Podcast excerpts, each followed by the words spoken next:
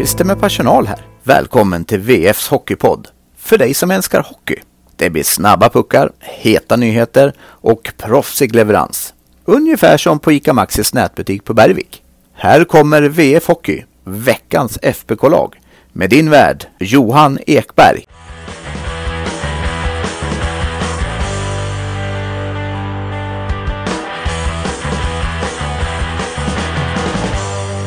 Öppna spel bakåt, men en ytterst välbehövlig vinst som avslutning. VF Hockey, veckans FBK-lag, är tillbaka med säsongens andra avsnitt och för första gången den här hösten har jag glädjen att välkomna tillbaka in i poddvärmen Karl Oskar Lysander. Varmt tack säger jag. Mm, det, det, visst är det poddvärme vi har i VF Hockey? Ja, men eh, det är väl så nära värme man kan komma i alla fall. Mm.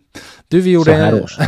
ja, exakt. Vi gjorde en liten jinx förra veckan, för när, vi hade, när jag hade sagt introt, jag och Gribba, så sa jag Färjestad toppar tabellen efter tre gånger, är det dags att boka torget. Ja! Hur gick vi det sen? Ja, gick, vi kanske gick händelserna lite i förväg. Eller vad tror vi? Ja, det, men det är väl det man gör den här tiden på, eh, på säsongen också. Ja, det. jag tror jag skrev det i eh, första, första försäsongsmatchen, att det är en alldeles utmärkt kväll att dra alldeles för förhastade slutsatser.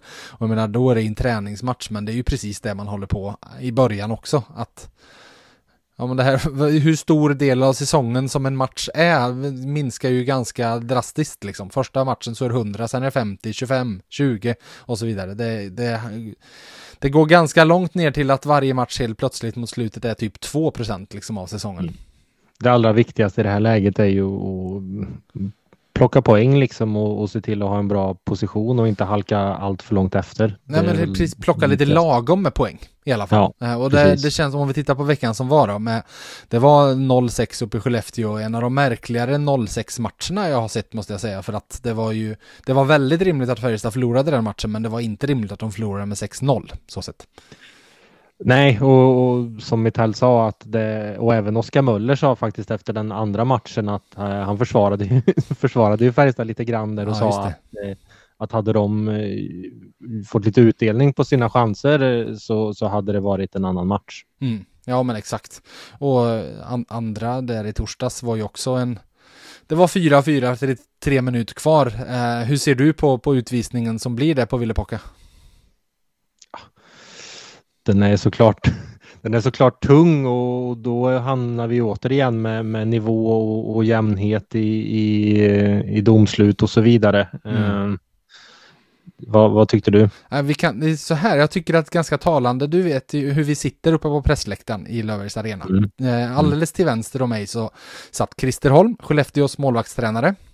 Eh, och hans reaktion när det där hände, han blev vansinnig. Vet du varför han blev vansinnig? Ja, Han var helt säker på att Skellefteå fick en tvåa för att han sköt för sent. ja okej. Så det säger ändå lite när det var hans instinktiva reaktion att nej, för fan Mm. fick vi en tvåa Han såg den inte. Nej, nej, precis att skulle vi, och jag bara, jag sa det faktiskt direkt, du, jag tror faktiskt det kan vara Färjestad som fick en tvåa för Pockas rapp. Jag tyckte det var då domaren tog upp armen liksom. Eh, Ja. och det är ju lite det här, alltså jag håller ju med om att det där var faktiskt, den måste in på kontot dålig spelkänsla av domarna. Att 4-4, alltså okej att ta en sån där utvisning fall ena laget leder med 6-0 och det håller på att kanske balla ur, ja då fattar jag att man tar den för att, ja okej, ingen skit nu på slutet, nu ska vi bara spela av den här matchen. Men vid 4-4, för att det är ju ett skott efter avblåsning, eller avblåsning, det är ju inget Ja. snack om det, men jag tycker inte det ska vara utvisning heller för att det är precis efter. Hade Ville Pocka sen åkt fram och slashat honom över handlederna eller någonting, ja då förstår jag att han hade fått en tvåa, för då är det en skaderisk. Men som, eh, jag pratade med Mattias Göransson efter matchen och som han sa, det är en slashing över benskydden. Det, Ja. liksom, det, det finns ingen skaderisk i det överhuvudtaget. Så nej, där jag tycker att den är, den är för hårt dömd, så sett. Mm. Eh, det, ja. Men med det sagt då, med 12 insläppta och 0 poäng tisdag torsdag så var det ju löjligt viktigt faktiskt med just det här vi pratade om, att inte halka efter och faktiskt plocka lite poäng, att de vann uppe i Timrå på lördagen. Och på ett ganska bra sätt också om man, om man ser till både offensivt och, och defensivt så tycker jag att det var en, en match. Ja, men de visar upp en, en jämnhet som trots de här resultaten tidigare i veckan som jag tycker ändå att Färjestad ändå på något sätt visat upp här i inledningen att det finns ändå en jämnhet i, i spelet upplever jag. Det finns, ja men det känns som att golvet eh, är lite högre upp än vad det Ja, var. Så sätt. exakt. Eh, Det Där, som- där de faller ner till när de faller så, så sätt. Ja, och det har ju Färjestad pratat om i, i många år. Det var ju det Johan Pennerborn pratade om nästan var, Mm. varenda, varenda säsong om att, att hitta en jämnhet. Mm, exakt. Du, innan vi går in på veckans lag och så vidare så måste jag ta en spaning. Mm. Visst, visst känns det som att eh, isytan uppe i Timrå är Sveriges största? Jag tycker Eh, alltid det känns som, nej men det, det, det har ju givetvis någonting med kameravinkeln. Men jag tycker alltid det ser ut att vara så himla mycket yta där.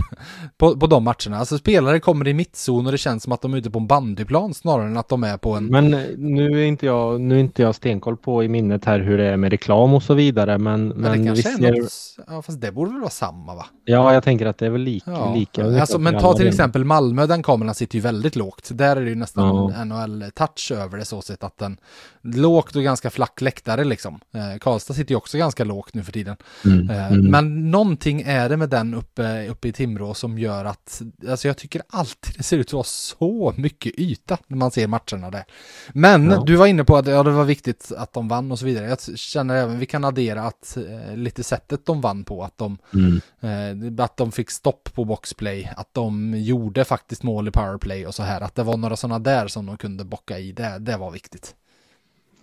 Absolut och speciellt som du sa med, med powerplay. Hade det inte blivit mål i, i powerplay här så, så hade man ju nästan fått eh, eh, kanske inte kris, krisrubriker men, men frågor finns att ställa. Ja, För det ja. ska jag säga också på träningen som var, jag tror det var torsdagsträningen. Mm. Det var inget bra powerplay och eh, vissa av spelarna var rejält eh, frustrerade. Det var, eh, slog bort passningar och tappade pucken på konstiga sätt och visst det Ja, kanske är ett bra boxplay men, men eh, det var frustrerat. Mm. Fredagsträning menar du, eller hur?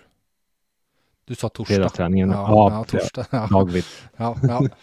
ja, så är det. Men du, vi ska ta och hoppa på veckans lag och eh, på målvakt så finns det ju två stycken att välja bland för de har ju alternerat under veckan som gick. Så vad väljer du där? Eh, Matt Tomkins. Mm.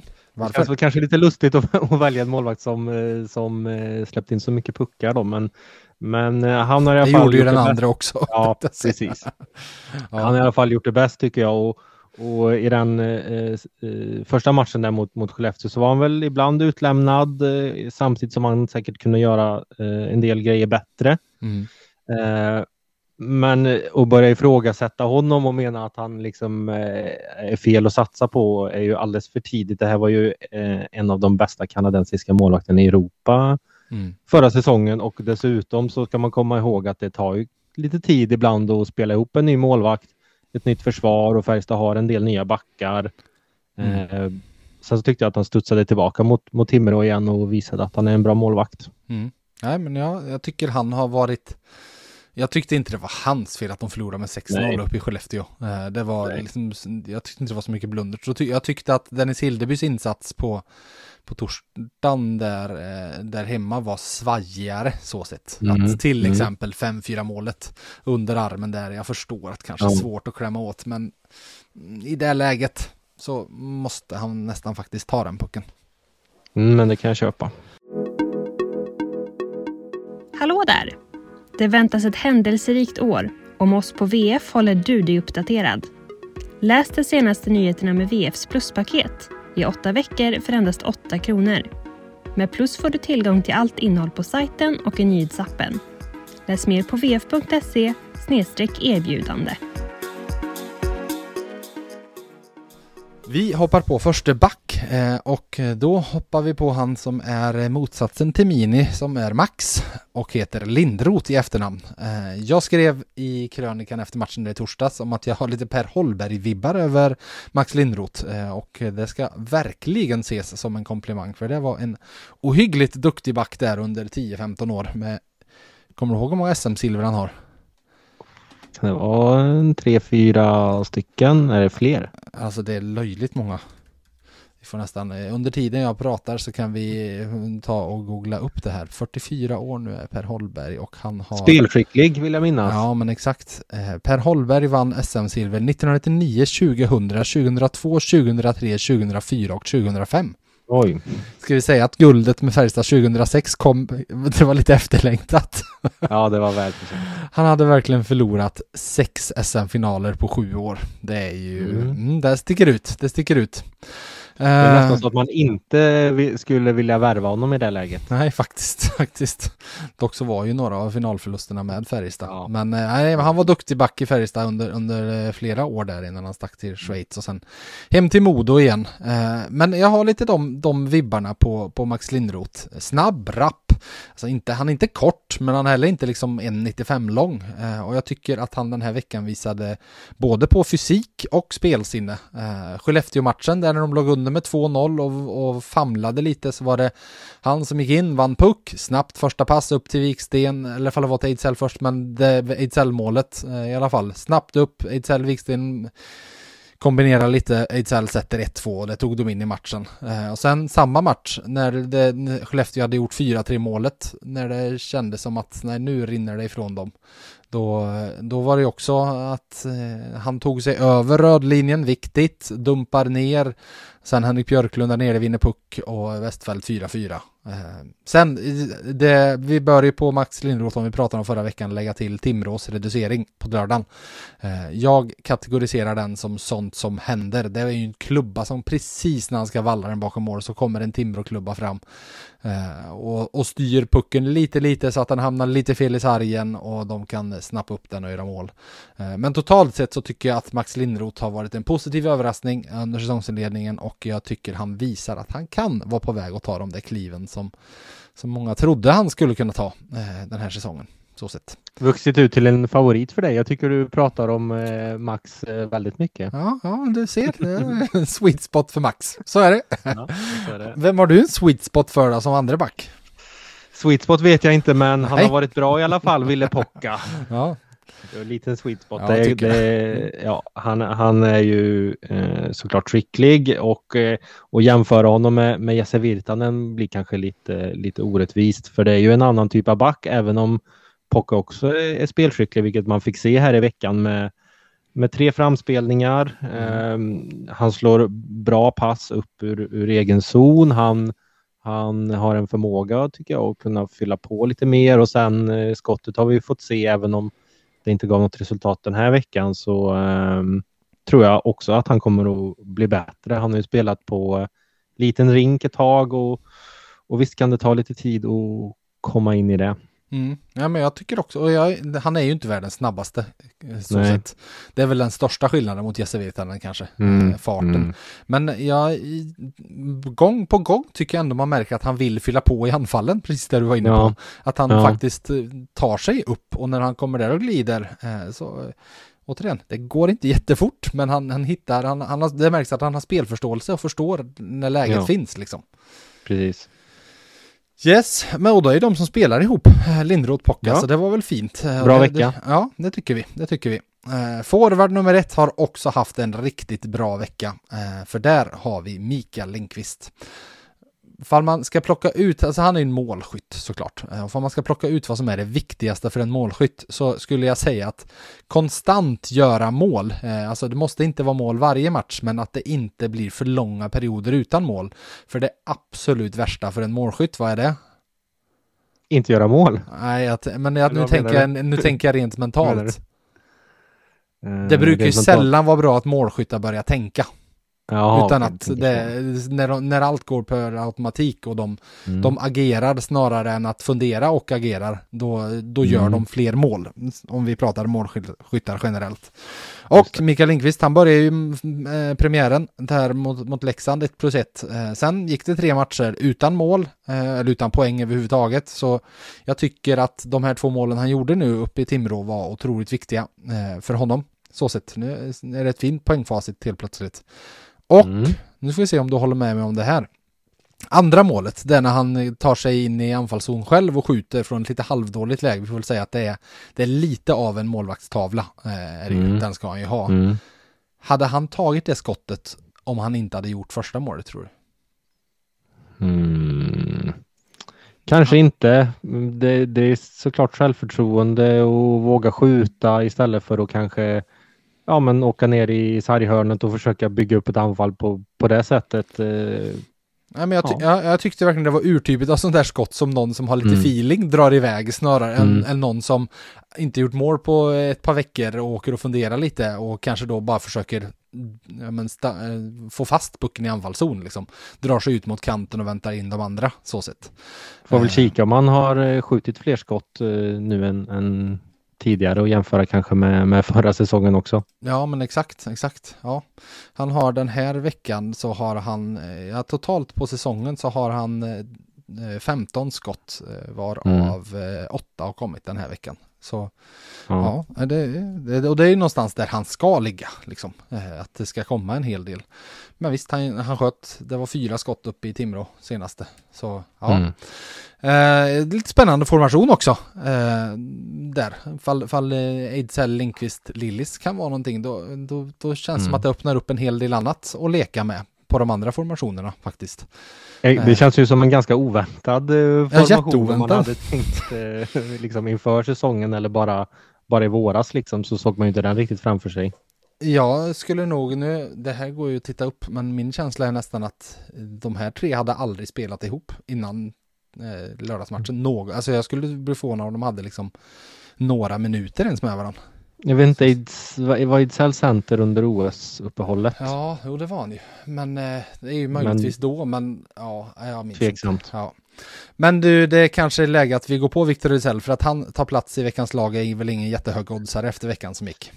Nej, eh, måste väl säga att man var lite, i alla fall jag var lite tveksam till hur det skulle gå för honom som center, men eh, det råder ju ingen tvekan om att han varit bland de bästa Färjestadspelarna i inledningen av säsongen, kanske den bästa till och med. Mm. Ehm, jag vet inte hur många, det känns som det har varit en, en tradition i början av säsongen att prata med Ejdsell om, om hur tufft han har med att komma igång och grejer och Exakt. man försöker liksom famla efter eh, både bra anledningar och dåliga anledningar. Liksom att eh, ja, men det tar tid att, att mm. komma igång och man har en stor kropp och så vidare. Men, mm.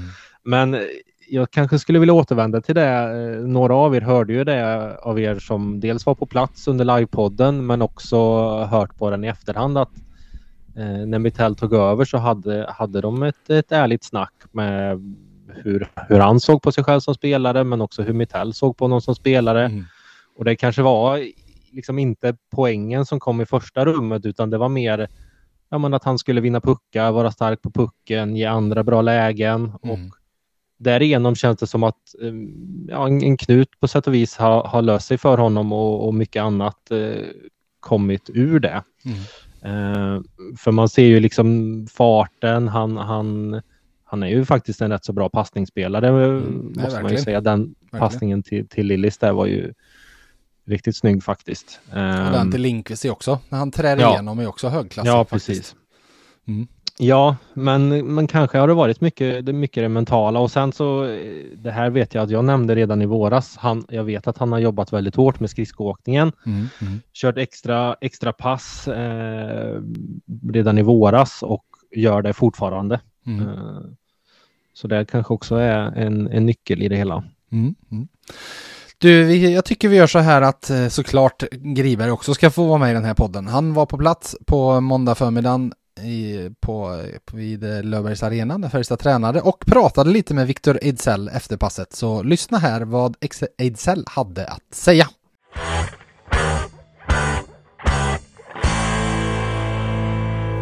En Viktor Ejdsell som uh, har gått och blivit eh, uh, tekningskung här. Eh, hela nästan 65 procent mot uh, Timrå. Jag vet ni tränade ju en hel del uh, teckningar i fredags. Är det, är det anledning eller vad är anledningen till att du ja, men just nu har blivit bra på att teka?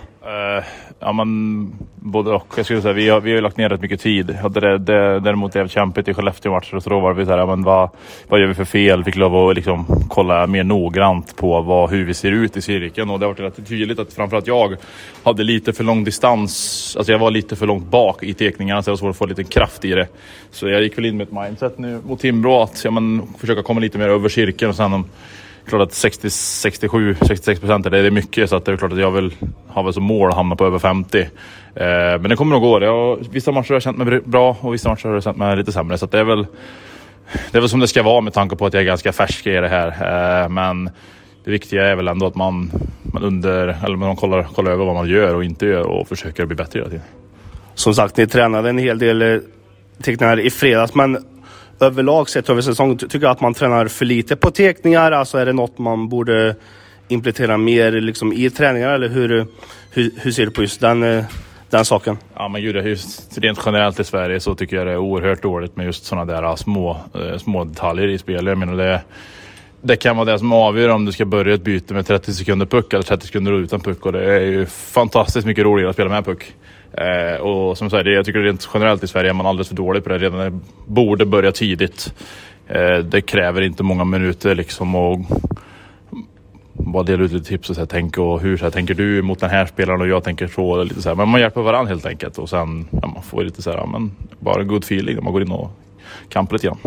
Har ni efterlyst eh, mer, mer teckningsövningar nu framöver? Nej men jag tycker det, det är vi rätt bra allihop och, och försöker att pusha varandra framåt. Jag menar jag och Mackan och, och Ellie framförallt. Vi är väl de tre som är lite grönare än, än Limpan. Han är ju han är alltid bra och stark där så att eh, vi försöker väl i alla fall att pusha varandra lite extra. Eh, och som säger, man försöker hjälpa varandra och ta liksom del av sina tips och, och tricks för att och hjälpa oss framåt. Som jag säger, det, det, det, krävs inte jättemycket. Man behöver inte ha tio övningar utan det räcker med att man kan ta en, en tio puckar och liksom ha en liten tävling av det hela så kommer man helt så långt på det. Det är, inte, det är ju inte bara dina teckningar som har blivit eh, bättre nu. Ett mål mot eh, Skellefteå och tre assist mot eh, Timrå här. Eh, det, det, det, är klart du har, du har hört det här eh, ganska många nu men eh, känslan är ju såklart att du har hittat eh, mer rätt när du får vara i en roll centralt i banan. Ja, men dels så det och sen tycker jag mitt mindset har blivit lite bättre nu. Med, även om jag inte har gjort mina poäng i de första matcherna, det tycker jag ändå jag spelar väldigt bra. Eh, och, och vunnit mina kamper och skata, skapa ytor. Där, däremot har vi inte haft den utdelning jag önskar. Men om man bara fortsätter gnugga och känner, har den där goda känslan i kroppen så, så brukar det komma förr eller senare. Så att, eh, jag har väl bara liksom försökt att gnugga på och fortsätta liksom ha det tankarna av att jag ska vinna mina dueller och jag ska vinna skapa ytor åt mina, och mina polare där ute på isen. Mm, och eh, Krakow hemma här då på, på tisdagen när CHL är eh, inne på sluttampen. Hur, hur ser du på tisdagens eh, hemmamatch till att börja med? Jag tror det kommer bli en tuff, tuff uppgift. Eh, man ska ha respekt för, för de lagarna som kommer utifrån Europa. Det, det kan vara lite svårspelat ibland och de har kanske vet att de kanske inte kommer hit och, och, och lirar ut oss med och klubba grilla och sådär. Men det de brukar vara rätt bra på, det brukar vara att köra liksom och förstöra spelet och dra ner tempo och sådär. Så att vi ska ha respekt för Krakow och det kommer krävas en bra prestation. Och överhörde Thomas här lite grann att ska fler ska få chansen. Så det är kul och, och, vi behöver ha alla som är delaktiga här i, i, matchen. Och bra att få igång så många som möjligt. Och, ja, men en bra, bra möjlighet och en tuff uppgift. Om det blir lite tjafs och lite trash talk då, hur, hur är din polska? Den är nog jävligt dålig. Tyvärr.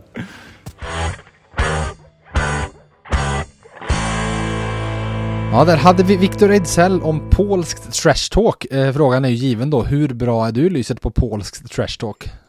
Jag kan inte komma på ett enda ord på polska just nu. Nej, du vet. S svagt polskt trash talk game alltså. Ja. Ja. ja. det enda ordet jag kan på polska är att speedway heter typ social eller någonting. Ja. Eh, när vi var i Polen för några år sedan på svensexa för förre VF-kollega Hedlund eh, i Warszawa så eh, satt vi och pratade med taxichaufförer och försökte prata med dem om speedway. De fattade inte vad vi pratade om. Vi tyckte det var helt otroligt mm. för att speedway är ju liksom det är ju det och fotboll i Polen. Det är ju stora sporter liksom. Eh, Nej, och till sist så googlade vi upp och hittade, ja men det heter inte speedway i Polen eh, utan typ suchel eller någonting. Och då, ja, ja, ja, kände ju att det var lite orimligt att de kanske inte kände igen det engelska ordet för det, men ja, ja. Det är vad det är. Eh, en tredje spelare, jag, han känns som han har riktigt dåligt på trash talk eh, game faktiskt. Marcus Westfeldt, desto bättre på andra grejer. Uh, när han kom, alltså det är ju en sån här värvning som alla visste att det här är en som kommer behöva ta tid, uh, få lite tid för att växa in i det. Eh, men det alla tänkt är ju att ja, man kanske kan bli liksom en fjärde center, kanske kan växa till en tredje liksom. Eh, en som tar stort ansvar i eget zon, spelar mycket BP och så vidare. Jag tror faktiskt ingen av oss förväntade oss att han skulle glida in i slottet och hänga upp skott i krysset som värsta skyttekungen som han gjorde i torsdags. Eh, så stor, stor bonus om han kan leverera även offensivt. Vem tror du han lyfte fram själv när han pratade lite efter matchen om, om varför han satte den i krysset? Masken kanske? Nej, Pelle Pressberg såklart. Ja, okay. det var, så, så enkelt var det. uh, ja, den formationen, nu spelar de ju, Lavner var inte med på, på lördagen, han saknades då av personliga skäl. Uh, men i torsdag så tyckte jag den formationen var, den, den kändes spännande med Westfeldt, Lavner och Henrik Björklund. Uh, jobbiga mm. och tacklade och körde. Ska återkomma till den formationen lite, lite senare faktiskt. men där har vi de fem, Tomkins, Eh, Eh, Lindroth, Pocka, Linkvist, Ejdsell och Westfält. Men vi ska väl plocka ut ett eh, frågetecken också. Vad har du där som du funderar på efter den här veckan? Ja, eh, fråga, frågetecken, man får väl kalla det ett frågetecken då för eh, jag upplevde det ändå som att Färjestad ändå är en liten bit ifrån Skellefteå. Sen ska man väl kanske inte underskatta att det är många spelare i Skellefteå som var med om en en rätt så tung kvartsfinalförlust här i, i våras och eh, jag har väl en känsla av att de kanske var mer motiverade än vad Färjestad var mm. och, och eh, göra en, en, riktigt bra match. Men det var ju ett väldigt bra tillfälle för Färjestad i alla fall och upptäcka vad man behöver bli bättre på och vilken nivå man behöver sträva mot för att vara konkurrenskraftiga. Mm. Eh, sen så tror ju jag att, att eh, lagbygget som Färjestad har nu, vi kanske, kanske kommer in på det lite senare här, men lagbygget som man har nu eh, är ju inte det lagbygget som jag tror att man kommer ha, ha till våren. Det finns ju en del eh, pusselbitar som man kanske kommer flytta om och, och lite sådär. Mm. Eh, men just det här med att man har en bit kvar till de allra bästa lagen eh, behöver kanske inte vara jättedåligt heller.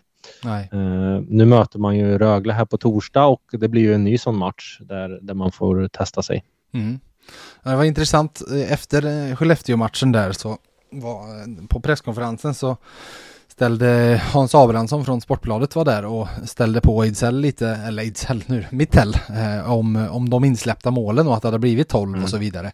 Och han var bara, ja men alltså jag hör dig att 12 mål är för mycket, men han var samtidigt, han tyckte inte att så, så i alla fall på torsdagsmatchen, så många var liksom på grund av av eh, dåligt försvarsspel. Han pratade, ja men han, han menar att det var inte systemmässiga fel utan fel på ett annat sätt. Det var boxplaymål och så vidare och plus den här så, som vi pratat så mycket om gångna veckan. Som vi började prata om den i podden förra veckan med tekningsproblemen som det var väl, det sa ju Mittell själv där efter den matchen, det var ju tre mål där de förlorade tek och inte rörde pucken innan den var i nät liksom. Så mm. att det, det var ju någonting. Eh, men äh, intressant att, att se hur det, hur det fortsätter så sett.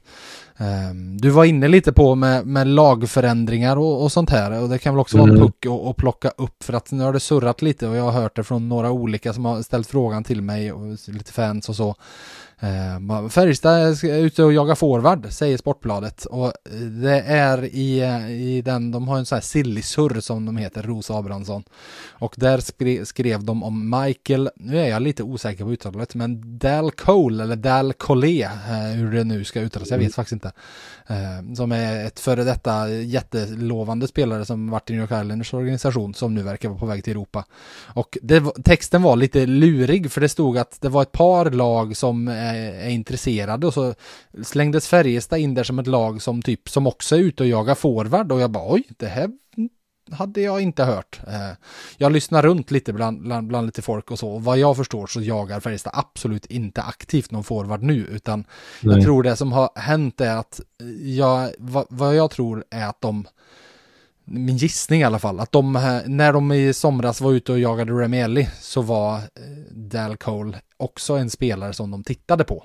Och kanske då lyssnade runt med. Så att de på det sättet har hamnat in i det här eh, snarare än att det är att de aktivt jagar någonting. För att de verkar sitta, sitta still i båten just nu som det låter. Ja, det finns ju ingen anledning eh, att göra några förändringar nu om det inte är så att någon, någon spelare i, i laget inte eh, är nöjd med sin roll eller ser, ser liksom att det framöver inte kommer öppna upp sig heller utan att, att man är liksom lite där man är. Eh, och det är ju, och det är klart, vi, elefanten i rummet i det fallet är ju Ja. såklart Karl Jakobsson.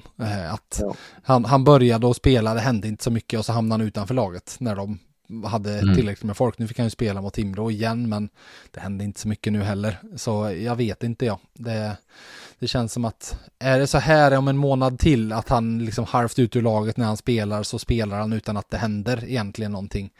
Eh, Mm. För jag menar, det, och menar, det behöver inte hända någonting i form av att han går in och gör tre mål. Men det behöver hända mer i form av ta in pucken i zon, sätta in en tackling, alltså märkas mer på isen. Mm. Eh, för att det är det som är, tycker jag, det, det stora problemet eh, just nu. Att han, att han, och lite likt, det var det som var förra säsongen också, han märks inte. Eh, det är väl en självförtroendefråga kanske själv, absolut. och bra självförtroende. Visst, du kan väl säkert jobba på det på träning, men det är framförallt genom att göra bra saker på, på match som du kan ta med dig till, till nästa match som, som du bygger ett självförtroende. Ja, och då är det den här klassiska ett steg bakåt för ett två steg framåt. Att Mm. kanske gå ner en nivå och få känna sig riktigt duktig. För det skulle ju han vara i allsvenskan, så sett. Så För är det platser som, om man tittar på laget nu, för att se platser som är lediga liksom, så är det ju längre ner i, i laget och Mm. som du precis sa här att i, i allsvenskan så tror jag att han hade gjort det bra ifrån sig. Och det är klart att om han då skulle komma till Rickard Wallin och säga att nej, jag tror faktiskt jag måste testa någonting annat. Färjestad skulle ju släppa Mm. honom och i så fall så tror jag att de kanske behöver få in någonting också. Eh, det, Men vem skulle de få in då? Det ja. finns en till elefant i rummet här kanske. ja, vem, vad tänker du på? Det tränar ju faktiskt en, en Ja, ja, spelare så. i truppen i, i hallen. Ja, ja. Tränar ungefär samma tid, Mm. eh, samma dagar, men bara i hallen intill och Mm. med J20-laget. Mm. Vem tänker jag på? Ja, det vet jag vad du tänker på, för du tänker på Martin Johansson. Nej, Ja, det precis. är ju det, ja, mm, ja, det är inte helt orimligt faktiskt att det skulle kunna ske, för menar, det är ju ett byte. Säg att, säg att eh, Karl Jakobsson ligger på en 50 000 i månaden och att Färjestad kanske inte skulle få ett allsvenskt lag att ta hela den lönen. Det är nog, hade nog varit svårt. Men Mm. de hade säkert fått ett allsvenskt lag att ta 30 000 och så säger de till Martin Johansson, du, du kan ge dig, du, vi kan, du kan få komma in för 30 000 i månaden. Då är det liksom 10 000 däremellan och det kan de ju leva med. Eh, för jag tror ju inte att lönen hade varit så himla hög eh, på honom. Eh, Nej. Ifall han hade fått spela här hemma, där han ville vara. Så sett. Mm. Ja, men du, eh, innan, vi ska prata om ett uh, utropstecken också innan vi går på veckan som kommer. Eh, och Ja. där, jag var inne på det lite förut, att jag sa att vi kanske återkommer lite senare till Westfärd, Lavner, Björklundkedjan. För nu tänkte jag ta ett utropstecken som är en klassisk bubblare som inte tog sig in i veckans lag, men som jag tycker ligger där och bubblar strax utanför och bubblar eh, positivt, att det, det är lite hetare. För det tänkte jag prata om Henrik Björklund. För Sett till säsongsinledningen i SHL, eh, sen, sen det drog igång, så känns det som att han har famlat lite. Eh, men att han nu här i torsdags, när han då tydligt ändå blev liksom nerpetad i en fjärde kedja landade sig i lite att nej, men nu kör jag. Eh, jag satt och tittade lite, eh, följde honom några byten när matchen hela, hela byten liksom och satt och tittade på honom eh, och det är precis så som han höll på den matchen som han måste agera. För Mm. alltså i hans repertoar, det är en skytt och det är en målskytt men det är framförallt också en jobbig jäkel att möta som retar motståndarna. Eh, som vid 4-4 målet där, där han inte ger sig på den där pucken utan trycker till Oskar Nilsson och petar fram den till Marcus Westfält. Och i samma moment får Nilsson att bli så irriterad att han trycker till honom ytterligare en gång så att han, han tröttnar på Björklund och får en tvåa. Jag menar, säg att Färjestad gjort 5-4 då i PP, då hade bara den enskilda aktionen gjort att de gått från 3-4 till 5-4. Eh, Så eh, jag tror det var lite klokt att sätta in honom i en sån in och köra formation. För det är klart att när du sätter honom i en fin omgivning då kan det ju bli att han också indirekt åker runt och tänker ja men nu ska jag göra lite mål. Det är det jag ska Ja. göra. Eh, snarare än att okej, men jag får börja här nu. Eh, börja med det här. Börja med att vara jobbig och så kommer det att komma mål sen. Liksom, för han kommer ju till lägen. Så Ja, han har ju, det har ju inte saknats lägen liksom. Det är väl, det kanske inte har varit de här allra skarpa lägena. De bästa lägena han haft har väl nästan varit styrningar, precis. får jag, får jag för mig nu. Men Ja, ja, men så skulle jag säga att det är. Så vi får väl se om Mm. det kommer nu till veckan som kommer. Eh, för det är ju nu vi går in i den delen av säsongen där COL börjar att märkas. Visst att Färjestad var iväg och lirade helgen innan SHL-premiären, men då kom de fortfarande tillbaka hem och hade några träningsdagar innan SHL-säsongen drog igång. Men nu är vi inne där de flesta SHL-lagen faktiskt har en träningsvecka med ledigt måndag, tisdag, onsdag från match. Men där Färjestad idag hade en matchförberedande träning där det är Krakowia från eh, Kra... Kra... Prag, låter som jag säga, Krakow på, på tisdagen. Sen, du var inne på Rögle hemma på torsdag, Oskarshamn borta på lördag. Eh, mm. Lite lurig vecka skulle jag säga. Eh, alltså, Rögle har ju inte imponerat jättemycket i säsongsinledningen, men alla vet ju höjden och de kommer dessutom hit och vill ta revansch för semifinal och vill ta revansch för, för derbyförlusten. De ska väl dock också spela CHL här på tisdagen, så det är väl så sett kanske jämna förutsättningar att att det inte är ett lag som vilar i några dagar och kommer Nej. fullpumpade. Uh, men, och... kanske, men kanske vila Färjestad några spelare imorgon. Ja, det lät ju som att de om inte annat kommer att matcha runt liksom. De kanske har med ja. dem i laget, men jag tror ju inte att Theodor Lennström spelar några 24 minuter imorgon till exempel. Nej. Uh, han kanske är en sån som ska vilas. Ehm, att, ja. Eh, alltså jag tycker verkligen att Axel Bergqvist ska in och spela 15 minuter. Ehm, mm. Och ska du vila någon, liksom, ja men Göransson hade en ganska kort försäsong, han behöver kanske inte vila än. Ehm, mm. Utan då, då kanske det är. Eller att ja, Lennström och Pocka bör inte över 15 minuter imorgon, tycker jag. Utan Nej. att du kan, du kan eh, rulla runt på andra och liksom låta Oskar Lavner spelar en massa, låta Westfält och så vidare. Patrik Lund som har nyss kommit tillbaka, han ska ju spela en massa och så vidare. Mm. Per och Jakobsson och, och Ja, men exakt. Per Åslund mm. kanske inte, han kanske till och med kan vara 13 forward. För det är klart att mm. de ska vinna mot eh, Krakowia hemma. Eh, så sett. Jag har lite dålig koll på vilken, vilken nivå de håller egentligen. Vi skulle säga att de besegrade ju faktiskt eh, Villach eh, hemma. Mm. Gjorde de. Mm. Så att de, de håller väl typ den nivån skulle jag säga. Så att det, mm. de har ju några finnar och så vidare. Så att det är väl inte ett, det är inte ett rent polskt lag så sett. Men eh, ja, Oskarshamn borta sen på lördagen och det känns som en match Färjestad haft lite lurigt i. Ja, och, Oskarshamn vann, vann ju här i, helgen också mot, uh, mot HV71. Var det inte i helgen? Mm, ja, men exakt. exakt. Ja. Ja, nej, vad, jag brukar ju alltid eh, kräva av dig eller gribba på eh, poängtips inför veckan som kommer. Så vad tror du de landar på för vi då även tar med Krakowia på tisdagen? Så det är maximalt nio poäng här då och mm. spela om tänker du? Du är inte dålig på matte du inte. Nej, exakt. Låt att jag blev journalist. ja, exakt. Ja. ja. vad tror du då? Um... Tre känns ju givet på tisdag. Och sen då? Ja, vad, vad, tror du på de två andra? Um... Får man med sig fyra, fem, jag säger väl fem poäng då, så om vi säger Fan, det känns lite högt att säga ja. åtta poäng av nio, men om jag säger sju då? Ja, mm. två, två treor och en eh, sadden straffförlust. Ja, mm. ja något sånt. Mm. Då, då, då, får man vara nöjd. Ja, men eh, då tycker jag vi säger tack och eh, hej för denna vecka. Eh, kändes det bra? Podd, poddsäsongspremiären avklarad? Väldigt bra. Ja, härligt. Du sköter dig bra. Mm. Eh, och till er lyssnare, nu är vi inne i poddsäsongen på allvar, för det här är faktiskt inte den enda VF-hockeyn ni får den här veckan, utan vi dyker upp med en podd, eh, podd här senare i det lite längre VF Hockey-formatet där jag sitter med en gäst. Eh, men med det sagt så får ni fram till dess ha det så gött!